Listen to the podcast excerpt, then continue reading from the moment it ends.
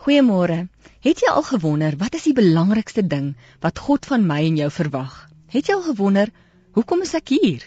Hierdie week gaan ons bietjie oor hierdie tema gesels.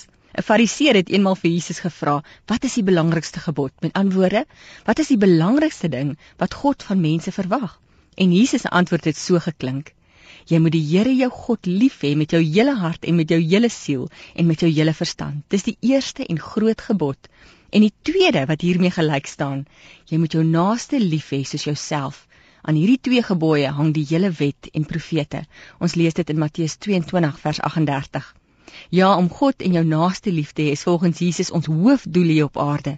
Die belangrikste ding wat God van ons verwag. Jesus sê dit vat die hele wet en profete saam. Die Jode het destyds ter duisende wette gehad en Jesus sê maar dit is die belangrikste ding. Van hierdie wette was byvoorbeeld gewees: jy mag nie asyn suig as jou tandpyn op die Sabbat nie. Jy mag nie jou bed opmaak op die Sabbat nie en 'n man kan van 'n vrou skei as hy die kos brand. Ja, ons dien 'n God van verhoudinge, nie van wette nie.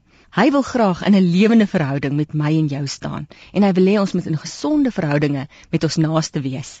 Christendom gaan nie oor 'n klomp wette en reëls nie, maar oor 'n lewende verhouding met God. Moenie geloof ingewikkeld maak nie. Wees lief vir God en jou naaste. 'n lewende verhouding met God en ons naaste impliseer tyd saam met God en ons naaste. Ons leef in so 'n gejaagde wêreld en ons raak so vreeslik besig en dan skeep ons juis hierdie kosbare verhoudinge af. Ons moet tyd maak vir wat God sê is die belangrikste. Wanneer ek so vreeslik besig raak, dan dink ek, as ek net hierdie taak afgehandel het, gaan ek tyd maak vir God. As ek net gou hierdie e-pos gestuur het, gaan ek tyd maak vir God. As ek net gou die kombuis opgeruim het, gaan ek tyd maak.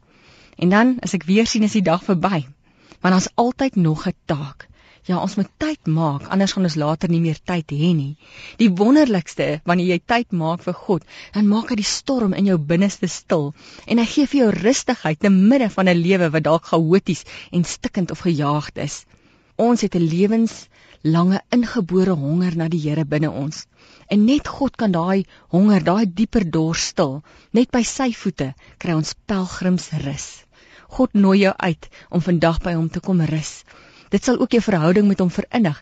Dit sal jou ook krag en energie gee want in Johannes 15 staan daar: Ons is die lote en wanneer ons vas is aan die wingerd, dan kan ons alleen lewe.